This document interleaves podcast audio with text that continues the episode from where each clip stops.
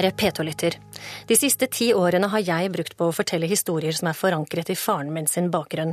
Nå, her i radioen, skal jeg bruke 55 minutter på moren min, morsrollen og ulike mødreskikkelser, slik jeg kjenner dem.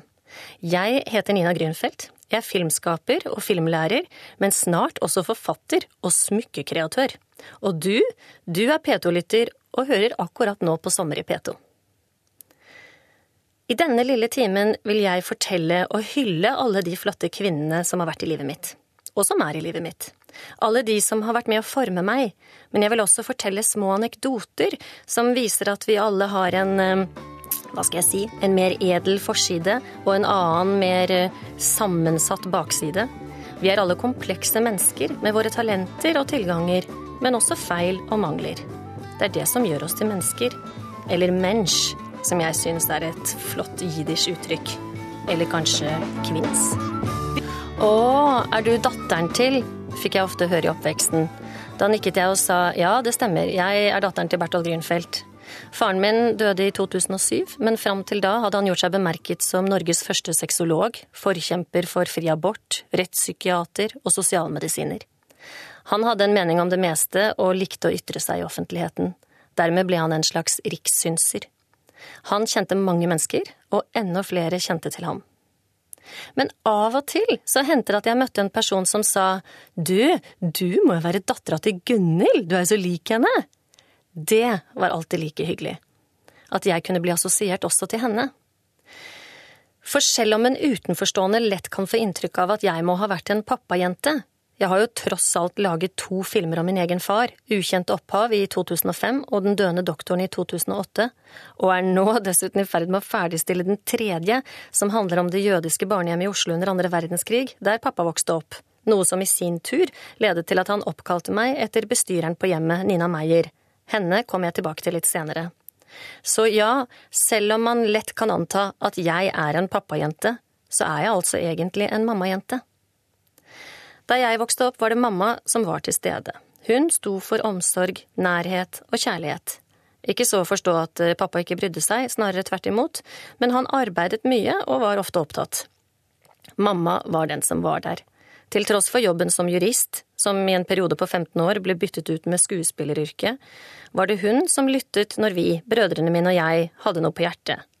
Det var hun som sang godnattasang, og som sørget for stabilitet og forutsigbarhet. Hun var, og er fremdeles, på sett og vis, klippene i våre liv. Og ikke bare var hun viktig i våre liv, men også for flere av barna i gata da jeg vokste opp.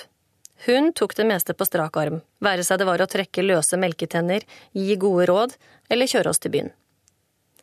Mamma var så morsom og kul at eh, jeg som tenåring ble sjalu da jeg forsto at ungdomskjæresten min heller ville sitte på kjøkkenet og drikke te med henne enn å være sammen med meg. Men den smarte, kule og morsomme mammaen min hadde også en ufattelig naiv og godtroende side. Som den gangen med plastegget. En gang ga min barndomsvenninne Hanne meg et plastegg, etter at moren hennes ikke hadde latt seg lure. Jeg så ikke helt poenget. Hvis moren til Hanne ikke hadde latt seg lure, kom aldri i livet moren min til å gå på spøken. Men eh, ok, da, jeg kunne gi det et forsøk. Vi elsket jo tross alt practical jokes. Jeg tok med meg egget hjem, hvor jeg holdt i hånden og fant ut at det var altfor lett. For å gi det en mer realistisk opplevelse, så stakk jeg et hull i egget, fylte på vann og satte en plasterlapp over. Nå så det jo enda mer uekte ut, men shit au, hun kom jo aldri til å gå på denne spøken likevel. Jeg satte egget i eggekartongen i kjøleskapet og tenkte ikke mer over saken, før Hanne et par uker senere spurte du, åssen gikk det? Du har ikke oppdaget noe mistenkelig kjøleskap i det siste, spurte jeg mamma samme ettermiddag. Mamma så opp fra avisen med forferdet blikk. Ikke si at det var deg! Jeg forsto ikke den sterke reaksjonen fra min ellers så kule mamma, jeg mener, hvor stor katastrofe kan et lite plastegg volde, liksom? Herregud, ikke si at det var deg! Jo, men det var jo meg, innrømmet jeg, hva, hva har skjedd? Mamma begynte å le, og så fortalte hun hva som hadde skjedd. Ja, det var vel lørdag forrige uke jeg skulle lage pannekaker og fant fram eggene. Men midt i kartongen var det et pussig egg som ikke lot seg knuse. Jeg kakket flere ganger inntil jeg innså at det var et plastegg. Et plastegg i min kartong. Og ikke nok med det, egget hadde en plasterlapp på seg og var fylt med vann. Det er helt utrolig, et mirakel. Så jeg tok med meg egget bort til kolonialhandler Teigen og viste han egget. Og han ble jo like himmelfallen som meg. Hvordan i all verden kunne et plastegg komme gjennom kontrollen på eggsentralen, bli fraktet ut til hans butikk og havne i vårt kjøleskap? Så Teigen han tok kontakt med eggsentralen, han, og de ble enda mer lamslått. Hvordan kunne det være mulig? Nei, de måtte bare beklage, og hvordan kunne de gjøre det godt igjen? Så jeg fikk tre kartonger med egg i erstatning, og nå har vi egg til pannekaker i flere uker framover. Men mamma, du tenkte aldri på at du har tre barn i huset som kanskje ville finne på å spille deg et puss, da? lurte jeg. Nei, det hadde ikke falt henne inn. Det var da jeg forsto at moren min, hun er en ekte myrsnipe. Hun tror bare godt hun om sine egne, og syns at vi er de vakreste i hele skogen.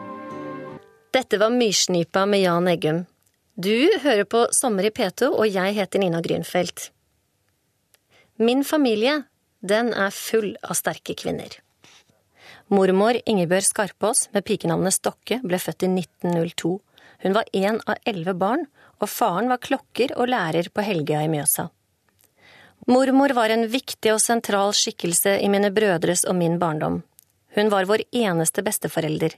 Morfar døde før vi ble født, og pappa mistet sine under krigen. Rollen som vår mormor tok hun på største alvor, selv om hun hadde ni andre barnebarn. Hun hadde plass til oss alle. Mormor leste eventyr. Hadde hun ikke en eventyrbok tilgjengelig, diktet hun opp historiene, som da hun fortalte om snilen Pompidou som ålte seg under bladene. En stund senere hadde foreldrene mine selskap, og broren min, som ikke fikk sove, lå under salongbordet og lyttet til de voksnes diskusjoner om fransk politikk og Georges Pompidou, hvorpå det smeller fra den fire år gamle besserwisseren. Å ja, ja, ja, jeg kjenner godt til den snilen Pompidou. Mormor var nok det mennesket jeg elsket høyst i barndommen. Hun var akkurat slik en mormor skulle være, snill, omtenksom, tilstedeværende. Men en gang overrasket hun meg. Jeg var kanskje 12–13 år gammel og besøkte henne i Fredrikstad, der hun bodde. En formiddag så skulle vi gå ned til byen og kjøpe et par hvite bukser som jeg hadde ønsket meg lenge. Været var vått, og jeg hadde på meg slagstøvler, du vet sånne halvlave eller halvhøye, mørkeblå med hvit kant, som du dyttet buksen nedi på baksiden, men lot henge over foran. Det var utrolig viktig hvordan buksebenene var dandert over støvleskaftet. Mormor syntes nok det var noe tull, og var mest opptatt av at buksen ikke skulle bli våt. Da vi vandret hjemover, jeg i nye, hvite bukser, riktig dandert over regnstøvlene, gikk hun ved siden av meg. Jeg var nok ikke klar over selv hvordan jeg gikk, var bare opptatt av hvor utrolig fin og kul jeg følte meg, inntil det smeller fra mormor. Løft føttene når du går, jentunge! Slik subbing vil vi ikke ha noe av! Hva hadde skjedd? Mormor hadde glefset til meg. Huh, det satte et støkk, men det hadde sin effekt. Jeg har aldri, aldri siden subbet med føttene når jeg går.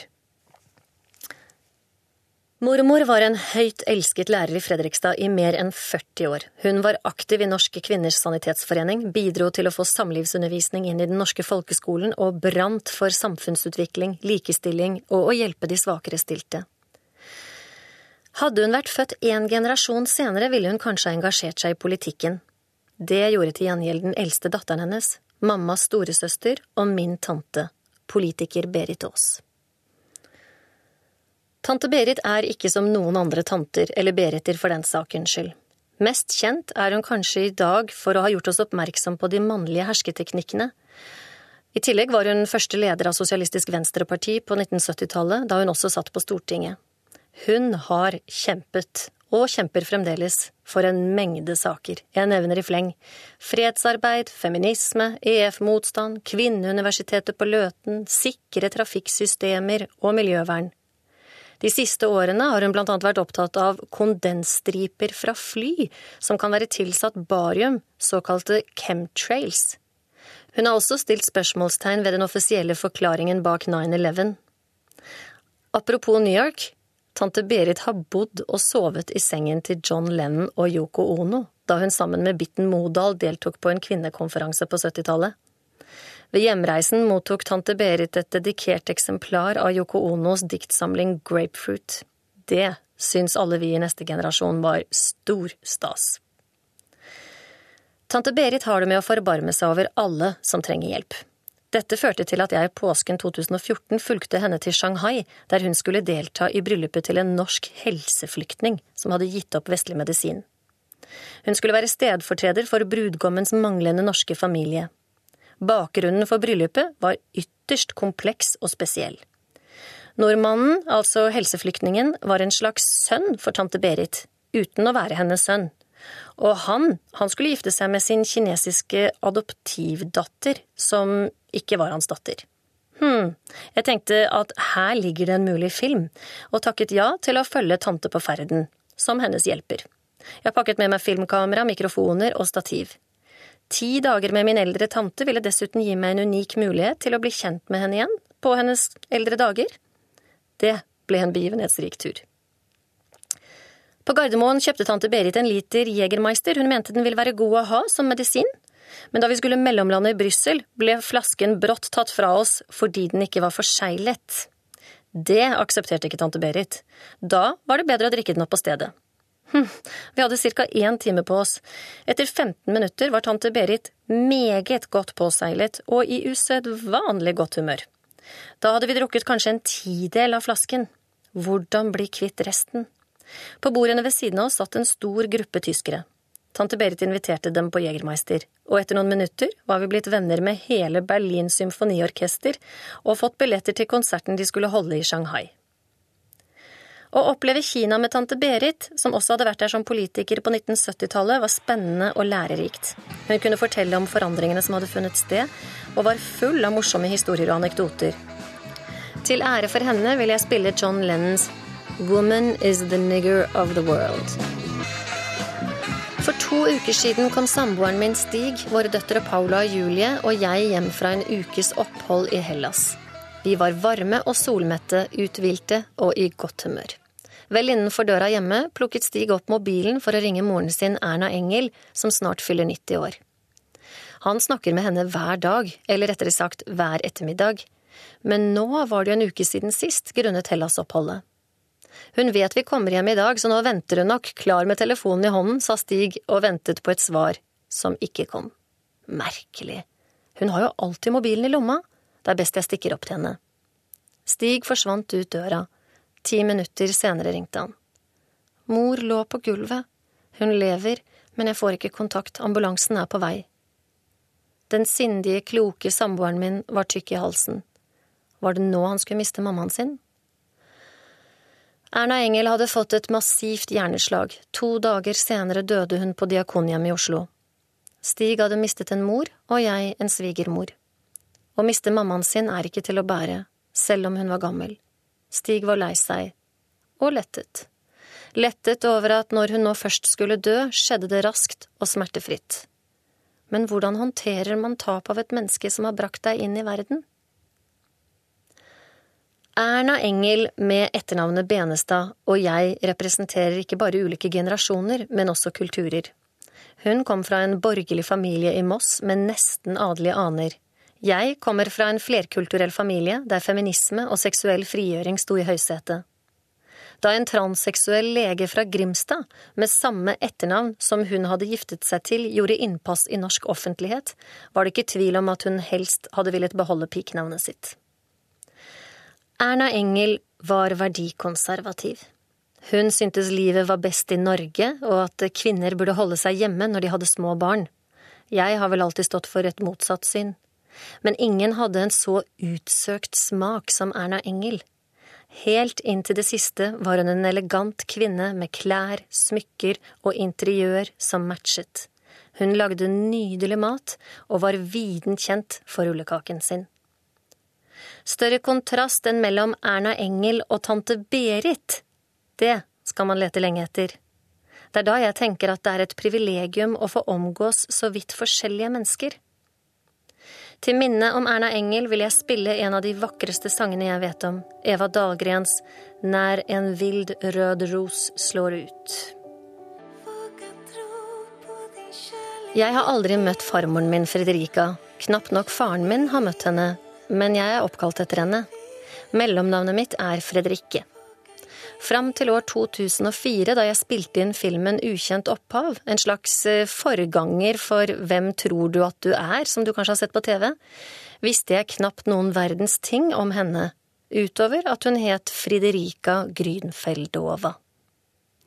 Da faren min og jeg oppsøkte Statsarkivet i Bratislava i 2004, fikk vi klar beskjed. Daglig mottok de en drøss med henvendelser fra amerikanske jøder på leting etter sine forfedre. Så godt som aldri kunne Statsarkivet hjelpe dem.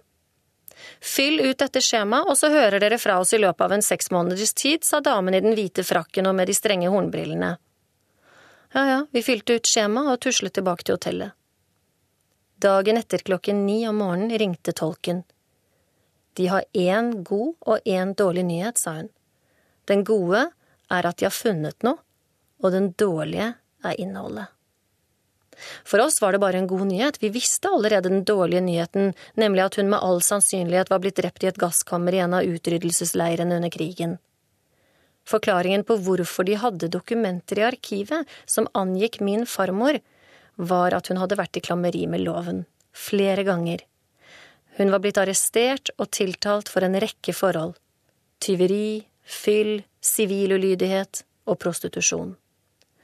Å lese forhørsdokumentene, vitneforklaringene og alle referatene fra de mer eller mindre summariske rettssakene hun gikk igjennom, var en ganske fortvilet opplevelse, ispedd gode doser kafkask absurditet.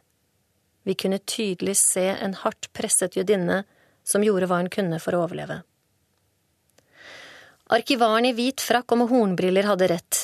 Det var hard kost for pappa å lese hvordan hans biologiske mor sank stadig dypere ned i avgrunnen inntil hun en dag i 1942 må ha blitt arrestert og satt på et tog til utryddelsesleiren Sobibor.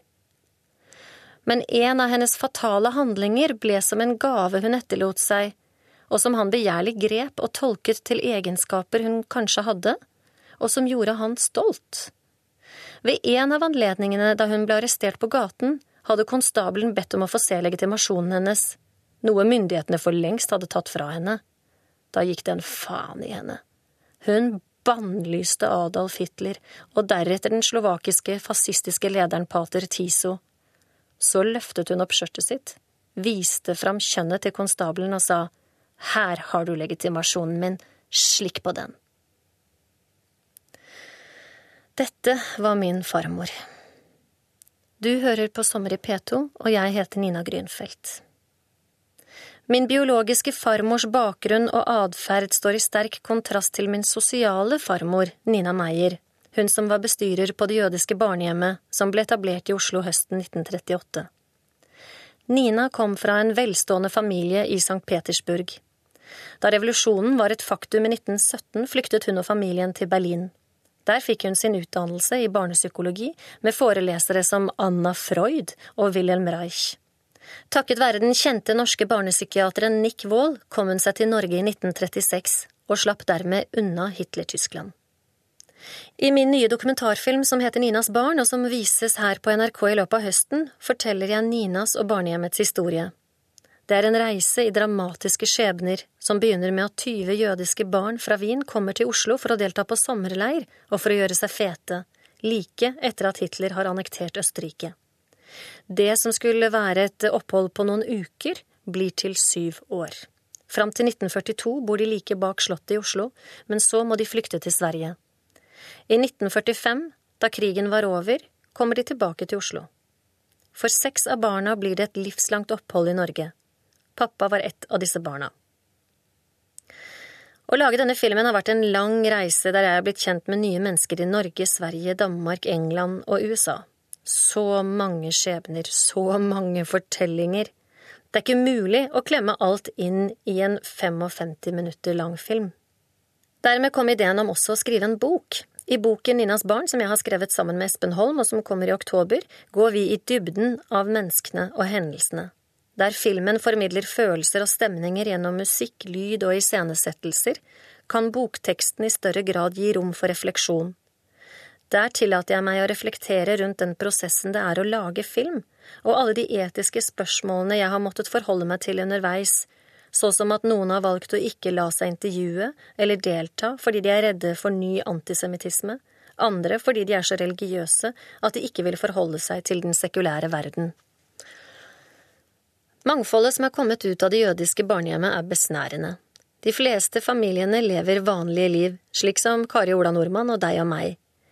Noen lever tradisjonelt jødiske liv med ivaretagelse av høytiden, men noen har også blitt mormonere, en er blitt muslim, og et par lever ortodokst jødisk. For meg er det med en slags fryd jeg konstaterer at Hitler ønsket seg sitt tredje rike der den ariske rasen styrte og jødene var utryddet. I stedet består Vesten i dag av et mangfold rikere enn noen gang.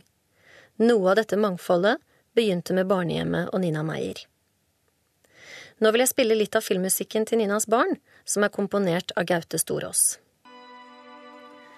En annen sentral skikkelse i mitt liv er datteren min, Paula. Hun er 17 år. Takket være henne får jeg oppleve selv å være mor. Det er jeg takknemlig for. Jeg har mange ganger prøvd å se meg selv utenfra som mor, men det er ikke så lett. Oftest føler jeg meg umoden og ganske vinglete. Så går jeg også under kallenavnet Nei, nei, ja hjemme. Det er fordi at når Paula spør om noe, som for eksempel å få være på fest til klokken fire om morgenen, er jeg ofte raskt ute med å si kontant nei. Da smiler hun sitt søteste smil, legger hodet på skakke og spør igjen, er du helt sikker? Så tenker jeg at jeg ikke skal være så bastant, men tenke igjennom hva det er jeg nekter henne. Og når jeg har tenkt meg om, så sier jeg et mer veloverveid nei, med gode argumenter. Men så får jeg oftest dårlig samvittighet, da, samtidig som jeg tenker «Ah, er det så nøye, da, vi lever jo bare én gang. Og så blir det til at jeg sier ja, ja, så ligger jeg våken, da, eller halvvåken, inntil hun ramler inn en gang på morgenkvisten og stikker hodet inn på soverommet mitt og sier nå er jeg hjemme. Mm. Men neste morgen så spør jeg da hvordan har du hatt det, og hva var det som skjedde kvelden før, og da får jeg jo stort sett høre samme historien. Først bare, og så bare, og da bare, når hun bare, og det lolleste før han bare, og jeg bare, serr bare, men det var bare kødd, helt seff. JK, mamma, chilla, han skal i Milla, ikke sant? Da jeg var tenåring, så reagerte moren min på at jeg brukte ord som teit og kjip. Jeg ser at jeg er i ferd med å bli som henne. Paula introduserte meg til Farrell Williams Happy. Jeg er fullt klar over at den sikkert er helt ut nå, men jeg blir fremdeles utrolig glad av å høre den, og da lar jeg bare musa få regjere. Vi er en moderne familie med mine, dine og våre barn. Hvis man er fornøyd med foreldrene sine, sier man ofte at man har gjort et godt valg av nettopp foreldre. Datteren min, hun har gjort et særdeles godt valg av stemor. Hun heter Henrikke, er 1,85 cm på strømpelesten. Vakker, mørk, ekstrovert, sjenerøs og glad. Hun er en ekte almodovarsk karakter. Det fins aldri et nei i hennes munn. Siden Henrikke har fått være sammen med Paula nesten halve hennes barndom, så syns jeg det er rett og rimelig at jeg kan kreve samvær med hennes tre barn, som hun har sammen med Paulas pappa, og som dermed er Paulas halvsøsken. På den måten får jeg strukket opplevelsen av å ha små barn, en periode som jeg syns gikk altfor fort. Paula har også gjort et klokt valg av stebestemor. Henrikkes mor, Inge Johanne, er som sin datter åpen, glad og sjenerøs. Tilfeldighetene vil ha det til at våre to familier har landsted like i nærheten av hverandre, kun to minutter i båt over leia. Dermed ses vi både i byen og på landet. I sommer ble Inger Johanne og jeg sittende på brygga og prate over noen glass vin og forbudte feriesigaretter. Inger Johanne var nysgjerrig på hvordan det gikk med filmen og boken min, og ikke minst smykkeprosjektet mitt, Coexista. Du vet, eh, faren min var på feil side under krigen, sa hun plutselig.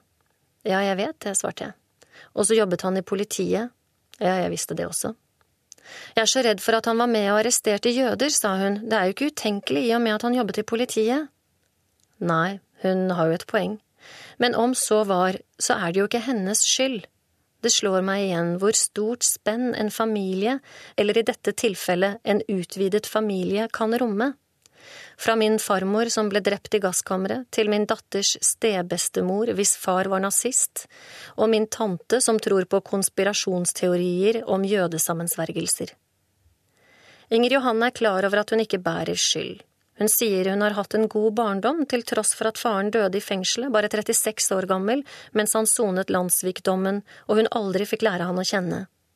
men hun forteller at det var tøft for moren, at livet egentlig aldri ble som det var tenkt. For Inger Johannes del er det viktig å vise støtte og solidaritet i de sammenhenger hun kan, som da en gruppe unge muslimer tok initiativ til Fredens sirkel rundt synagogen i Oslo etter terroren i Paris og København nå i vinter. Samtidig med at Fredens sirkel skjedde, skulle jeg spille inn en rekonstruert scene til filmen Ninas barn. Scenen forteller om da jeg som student i København på slutten av 1980-tallet besøkte Nina Meyer i hennes hjem der, og hun ga meg et smykke i gave, en davidsstjerne. Smykket har for det meste blitt liggende i smykkeskrinet. Når jeg nå fant det fram for å bruke det som en rekvisitt i filmen, var det fristende å ta det på, blant annet på grunn av terrorhendelsene som nettopp hadde skjedd. Det føltes spesielt.